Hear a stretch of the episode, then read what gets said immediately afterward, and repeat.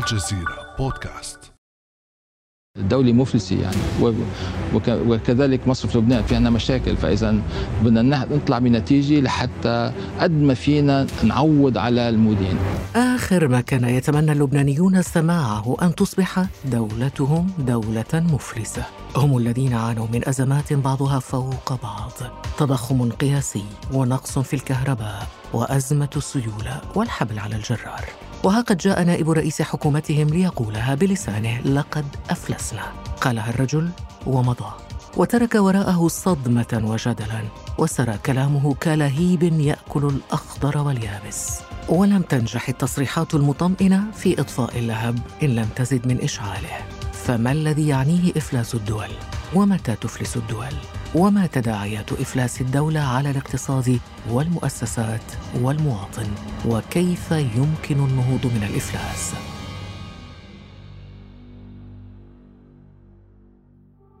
بعد أمس من الجزيرة بودكاست أنا خديجة بن جنة.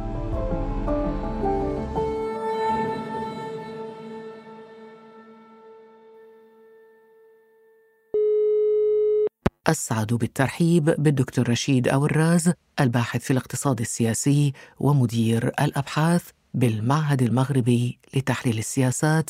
دكتور أهلا وسهلا بك دكتور رشيد. أهلا وسهلا أستاذة خديجة شكرا على الاستضافة. دكتور رشيد أوراز عندما نتحدث عن إفلاس الدولة ماذا نقصد بذلك؟ حتى نقوم بتبسيطها للسادة المستمعين هي عدم قدرة الدولة على سداد ديونها أو خدمات الديون.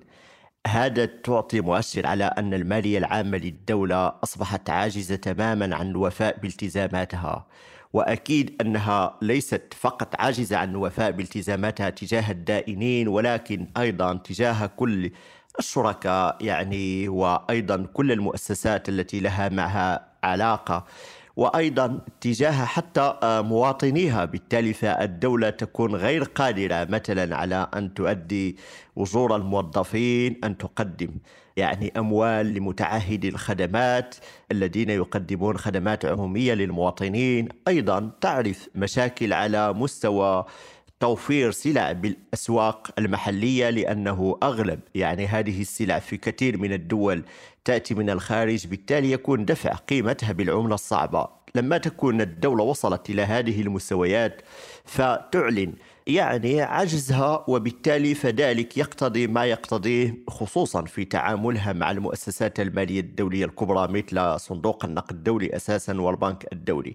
وهناك تفاوت بين دولة وأخرى فمثلا حتى بعض الدول المتقدمة أو الغنية يعني يمكن أن تصبح دول عاجزة أو تصل إلى هذه المستويات وتعلن إفلاسها.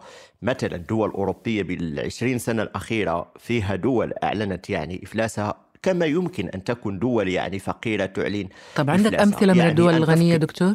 مثلا اليونان إسبانيا أيضا. دول مثلا حتى ببدايات القرن العشرين مثل الأرجنتين. فالأرجنتين كانت دولة متقدمة جدا. هي الدولة الوحيدة في العالم في تاريخ البشرية التي كانت دولة متقدمة ثم أصبحت دولة متخلفة بعد الانقلاب العسكري الذي جرى ببداية القرن العشرين. بالتالي فكم مرة يعني أعلنت أنها أصبحت عاجزة عن وفاء بهذه الالتزامات ثم أعلنت إفلاسها؟ بالسنوات الأخيرة هناك دول كثيرة يعني أوروبية أصبحت لديها مشاكل ثم تدخل على المستوى الأوروبي خصوصا تدخل المؤسسات المالية الأوروبية وأيضا حتى بعض الحكومات كلنا يتذكر الحالة الأشهر وهي حالة اليونان. هنا نسأل دكتور رشيد عندما تصل دولة مثل اليونان أو غيرها من الدول أو لبنان مثلا الآن وهي الحالة التي نعيشها هذه الأيام في لبنان كيف تتم عملية إعلان إفلاس دولة؟ هل هناك معايير بخصوص عملية الإعلان عن الإفلاس؟ نعم في الحالة اللبنانية مثلا نلاحظ أنه كان هناك تصريح ربما أنا تقديري أنه كان خارج السياق يعني لم يتفق كل مسؤولي الدولة على أن يكون هناك إعلان الإفلاس. ثم بعد ذلك تم التراجع عنه وهذا لأن إعلان إفلاس دولة فستليه خطوات قاسية جدا. وسيعني أيضا تدخل المؤسسات المالية الدولية مثل صندوق النقد الدولي والبنك الدولي للحديث على خطوات ما بعد إعلان الإفلاس كأن يتم مثلا إعادة جدولة الديون التفاوض مع الدولة. ما الذي سيكون بإمكانها أن تقوم بأدائها؟ فبعض الدول مثلا يتم تشطيب ديونها بعضها جزء من ديونها. الدول أيضا لكن بشروط قاسية جدا. قاسية جدا لأنه نحن نعرف لو تم إعلان الإفلاس فذلك تتبعه خطوات يعني من طرف خصوصا مؤسسات المالية الدولية الكبرى مثل صندوق النقد الدولي وأيضا البنك الدولي. الذي يجب أن يعرفه يعني السادة المستمعون هو أنه هذه المؤسسات يتم المنادات عليها من أجل أن تنقذ هذه الدول بالتالي فهي تقدم مساعدات مالية. وهذه المساعدات المالية هي أموال دول أخرى أموال شعوب أخرى بالتالي فهي تكون قاسية مع الحكومات التي وصلت إلى حد الإفلاس.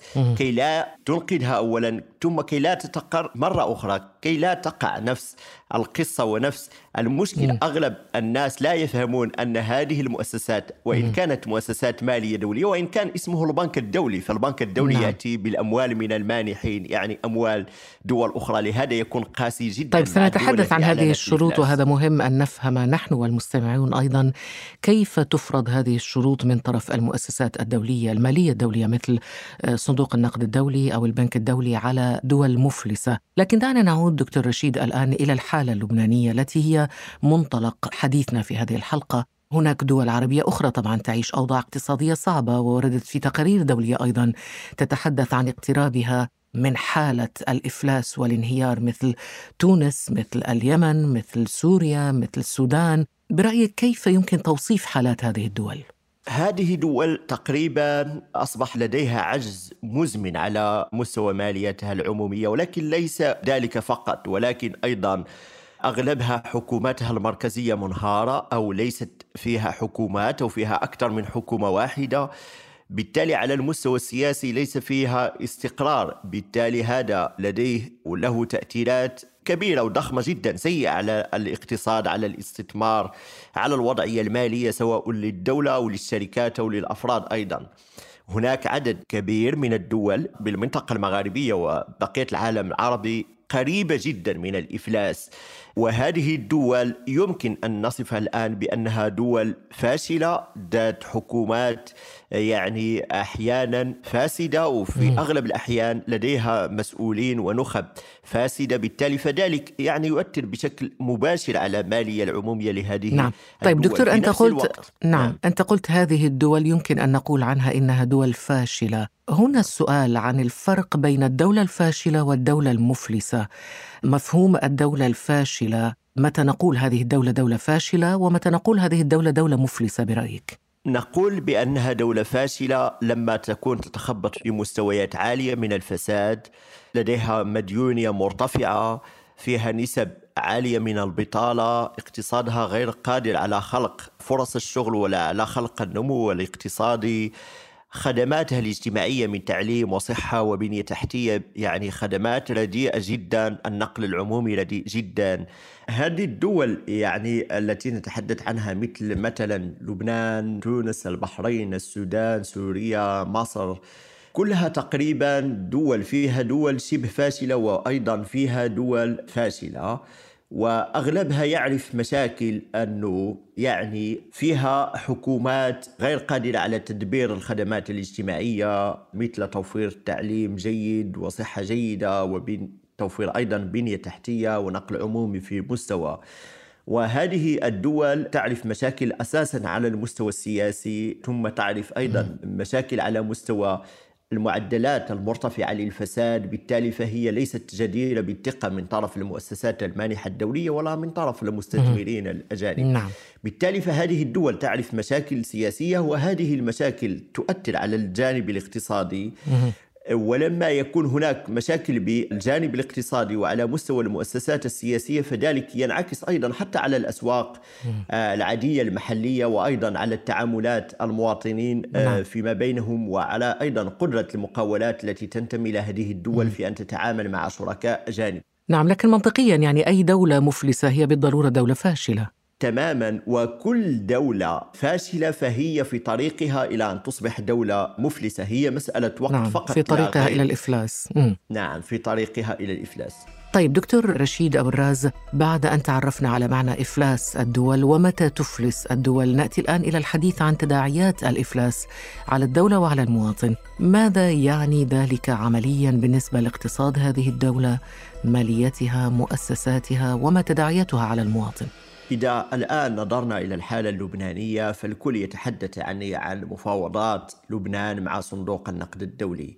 أيضا نسمع بأن هناك مفاوضات عسيرة بين تونس وصندوق النقد الدولي. أيضا كان هناك في السابق مثلا في حالة اليونان مفاوضات بين اليونان وصندوق النقد الدولي وأيضا الترويكا الأوروبية الأوروبيين الذين كانوا يتدخلوا لإنقاذ اليونان واقتصادها وتقديم دعم أول ما تحتاجه أي دولة أعلنت إفلاسها هي تحتاج إلى العملة الصعبة إلى أموال دولارات وأوروهات لكي تقدمها أولا للشركات وأيضا لأسواقها المحلية كي تقتني السلع ويستمر التبادل التجاري مع الخارج. تحتاج أيضا إلى أموال لدفع أجور الموظفين وتقديم الخدمات الاجتماعية الأساسية للمواطنين.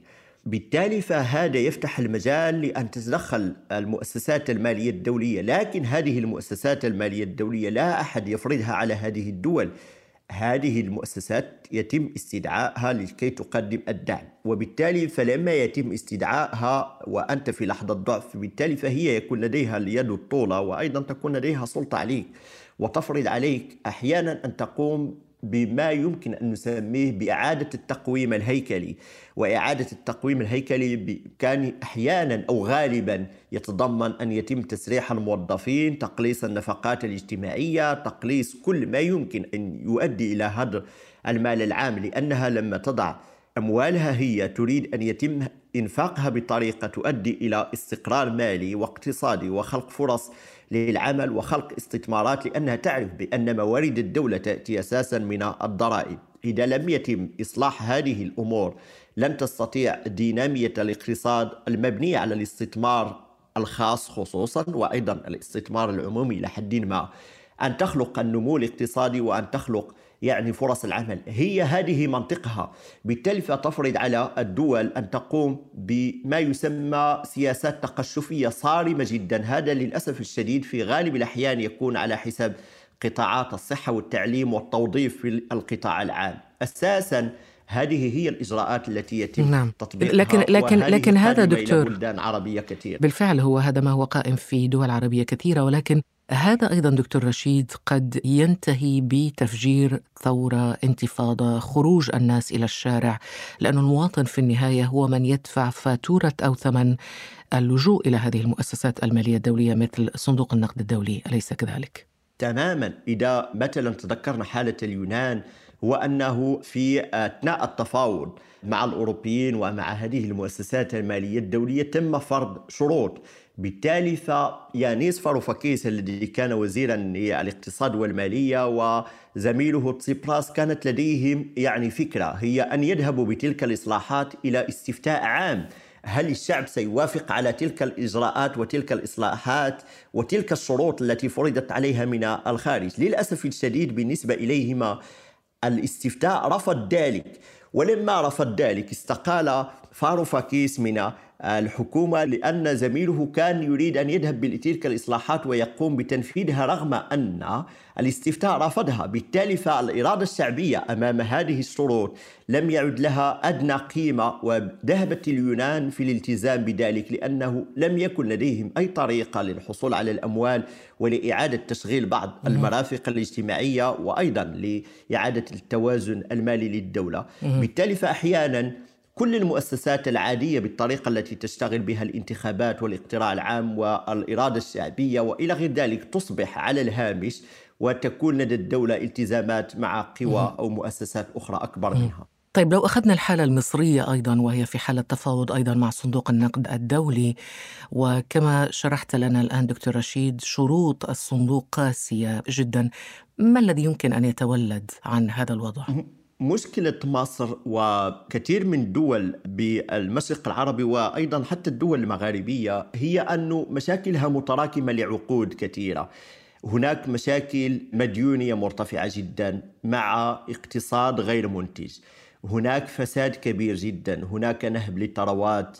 هناك أيضا أن الاستثمار العمومي يتم تدويره بين اقليه قليلة وبالتالي فمنافعه تعود على يعني نخب قليلة ومحصورة جدا وتخدم مصالحها الشخصية فقط.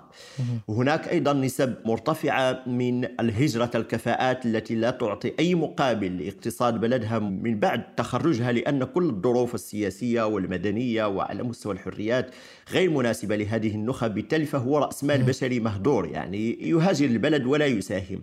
هناك أيضا كل ما تم إنفاقه على مستوى الصحة والتعليم والبنية التحتية بالثلاثين والأربعين سنة الأخيرة. ليس له عائد كبير على الاقتصاد لأن المناخ العام يعني غير جيد وغير مشجع على الاستثمار والإبداع الخلاق وروح المقاولة التي يعني تكون لديها نتائج نعم لكن هنا دكتور رشيد هذه المشاكل المتراكمة الموجودة في مصر مديونية فساد كما قلت تعطل الإنتاج محليا وغير ذلك. لكن مصر لم تعلن حالة الإفلاس. هنا لو قمنا بمقارنة بسيطة بين الحالة اللبنانية والحالة المصرية على سبيل المثال ما هي نقاط الاختلاف؟ هناك خبراء كثر يقولون بأن مصر هي لبنان المقبلة. بالتالي فهي في هذا الطريق بالوضعية الحالية والشروط الحالية والطريقة التي يتم بها تدبير الاقتصاد الحالية هي لبنان المقبلة. هي لديها كل يعني المؤشرات التي تدل على أن الطريقة التي يتم بها الآن تشغيل الاقتصاد ومستويات تدخل يعني الجيش بالاقتصاد كلها تؤدي إلى أنه يعيش فقط على الدعم الأجنبي الذي يأتي من الخارج. ثم أيضا بعد نرى مثلا بأنه لما انهار الجنيه قبل أسابيع كان هناك لجوء إلى دول خليجية وأجنبية وطلب للدعم، هذه الطريقة ليست هي الطريقة الأمثل لتسيير الاقتصاد وأيضا لجعل الاقتصاد يخلق ما هي الطريقة الأمثل؟ الوظائف، الطريقة الأمثل هنا سنأتي إلى تماما ما تقوله هذه المؤسسات المانحة الدولية، هي شئنا أم كرهنا تفرض ضغط آه، تأتي في لحظات الأزمة بالتالي لا أحد يحبها ولا أحد يطيق الاستماع إليها. ولكن لديها جانب من الصحة هي تدعو إلى أن يتم ترشيد الإنفاق العام محاربة الفساد يعني فتح المجال للاستثمار الخاص شفافية على مستوى الأعمال إصلاح المؤسسات ليس فقط الاقتصادية ولكن السياسية أيضا احترام الحريات. هذه هي الطريقة التي يشتغل بها الاقتصاد. هي نفس الطريقة التي يشتغل بها الاقتصاد في فرنسا وألمانيا وبريطانيا وأمريكا ويعني عدد كبير من البلدان المتقدمة. هذه البلدان الغنية يعني ليست لديها وصفات سحرية هي الوصفة معروفة جدا. نعم. طيب على ذكر الدولة. كل من يريد أن يصل إلى الثراء يعني الطريق أمامه واضحة نفس الشيء هم يقولون. طيب على ذكر الثراء والدولة الغنية هناك دول عربية غنية لديها نفط وغاز وثروات طبيعية ولكنها فاشلة في مشروعها التنموي. هذا النمط من النوع من الدول هل يمكن أن نسميها دول فاشلة؟ بنظري أنا نعم. مثلا إذا أخذنا العراق وخصوصا لأنه دولة غنية كثيرا بالموارد الطبيعية وأيضا ليبيا ولكن ليست فيها مؤسسات متينة ليست فيها حكومات مركزية آه، تشتغل بشكل جيد على مستوى النخب. هناك صراعات أحيانا طائفية مذهبية. هذا يؤدي إلى إهدار الموارد. هناك دول أقل منها ثراء يعني أقل منها غنى على مستوى خصوصا الري النفطي لكن مستوى تقدمها البشري وتصنيفها على مستوى مؤشر التنمية البشرية.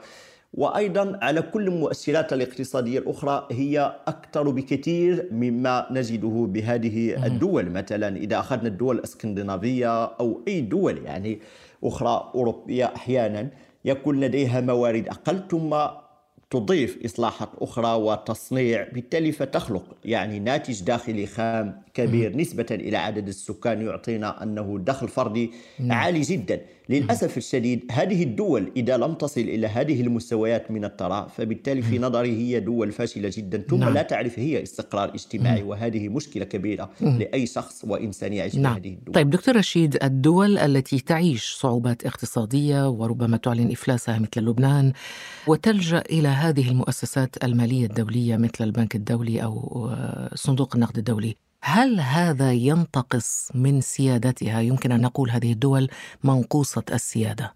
صراحة أستاذة خديجة أنا هذا المفهوم السيادة والسيادة الوطنية كثيرا يوضع في سياقات خصوصا في بلدان المغاربية وأيضا المشرق العربي في سياقات يعني لم يعد يستعمل فيها على المستوى الدولي. أنا أظن بأنه ليست هناك دولة لديها يعني كامل المقومات لكي تنتج كل شيء وتصبح وتكون مستقلة عن بقية العالم. إذا كنا نتحدث عن أنه أنت إذا كنت تابعا لبلد معين في شراء لقاحات وبلد آخر في شراء القمح وبلد آخر في جلب النفط لبلدك فهذا أيضا بالنسبة إلي يعني أنه سيادتك مرتبطة بذلك البلد. بالتالي في نظري أنا كل بلد في العالم وإن كان الولايات المتحدة الأمريكية وإن كان فرنسا وبريطانيا وألمانيا ليست لديها سيادة على هذا المستوى. أنت لما تطلب دعم من هذه المؤسسات الدولية هي تعطيك أموال دول أخرى وشعوب أخرى وهي تفرض عليك شروط. وبالمناسبة هذه الشروط فرضت أيضا على إسبانيا وعلى البرتغال وعلى اليونان وعلى إيطاليا وأيضا على المكسيك والأرجنتين. يعني حتى دول تنتمي يمكن أن نقول بأنها تنتمي إلى الغرب. فرضت عليها هذه الشروط لأن نخبها الاقتصادية والسياسية بلحظة معينة أساءت تدبير المال العام وأساءت تدبير الاقتصاد وأساءت تدبير مؤسسات الدولة. بالتالي فسقطت في المكروه سقطت في الفشل أكيد أنه طب كيف لما... تخرج من هذا المكروه أو هذا الفشل أو هذه الحالة أو هذا الإفلاس؟ إذا كان هناك دول أعلنت بالفعل إفلاسها في مرات كثيرة واستطاعت النهوض من جديد ما الذي يتطلب أو يتطلبه الأمر للنهوض مرة أخرى؟ هناك مشكلة معروفة لدى الاقتصاديين تسمى بالمورال هازارد. ترجمتها العربية هي سوء الظن الأخلاقي. ماذا تعني؟ تعني أنه إذا كان هناك شخص لم يكن لديه مال فلجأ إليك فأعطيته. يعني أعطيته بسهولة من دون أن تفرض عليه شروط أو أن تحدد معه يوم لإرجاعه. ممكن يرجع لك مرة ثانية وثالثة ورابعة. بالتالي فالمؤسسات المالية الدولية تتعامل مع كل الدول على أن هناك سوء ظن أخلاقي وأنه أحيانا إذا دولة نخبها فرطت في اقتصاد بلدها وأساءت تدبيره وسقطت في هذا الفشل وجاءت إلينا وأعطيناها مال بسهولة فبإمكانهم يعني أن يرجعوا مرة ثانية وثالثة ورابعة. بالتالي فقناعتهم أنه لما يأتوا بالمرة الأولى نفرض عليهم شروط قاسية لكي يكونوا صارمين في تدبير المال العام لكي يكونوا صارمين أيضا في تدبير مؤسساتهم. السياسية والاقتصادية. هذه قناعاتهم بالتالي فهم يتعاملون بقسوة ويفرضون شروط أحيانا يمكن نسميها سياسات تقشفية. سياسات تقشفية ماذا تعني؟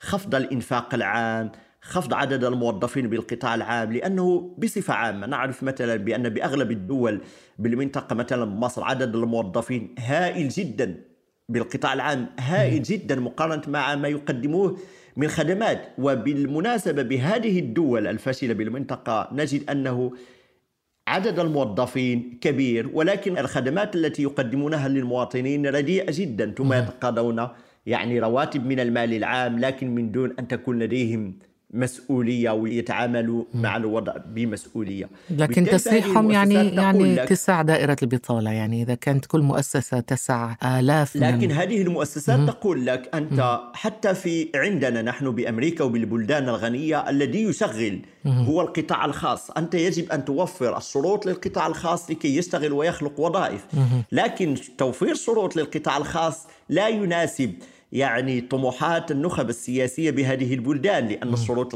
القطاع الخاص يريد الشفافية يريد مؤسسات جيدة يريد نخب جيدة يريد تدبير يعني ويعتمد على شروط الكفاءة أيضا. ويعتمد أيضا على الكفاءة وأيضا يريد الانفتاح ثم يريد نخب سياسية واقتصادية تكون لديها يعني طموحات وطنية نعم. وأيضا تحترم المال العام وليست نعم. فاسدة. هذه طيب الدول تريد أن تحكم بنخب؟ هي أساسا فاسدة بالتالي تخلق هذه المعضلات. طيب أحلتنا في الأخير أعدتنا إلى العالم العربي دكتور رشيد.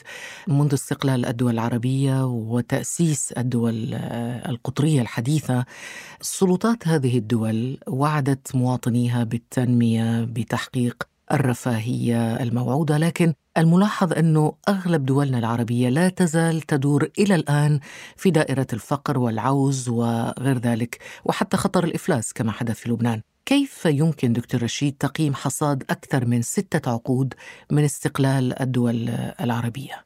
للأسف الشديد الصورة سوداوية ما عدا استثناءات قليلة جدا يعني استثناءات دول استطاعت أن تحافظ على استقرارها وتقدم خدمات جيدة لمواطنيها وفيها يعني أيضا حتى مستوى دخل سواء جاء بقطاعات ريعية أو أيضا من خلال تطوير بعض النشاط الاقتصادي الزراعي وشبه الصناعي.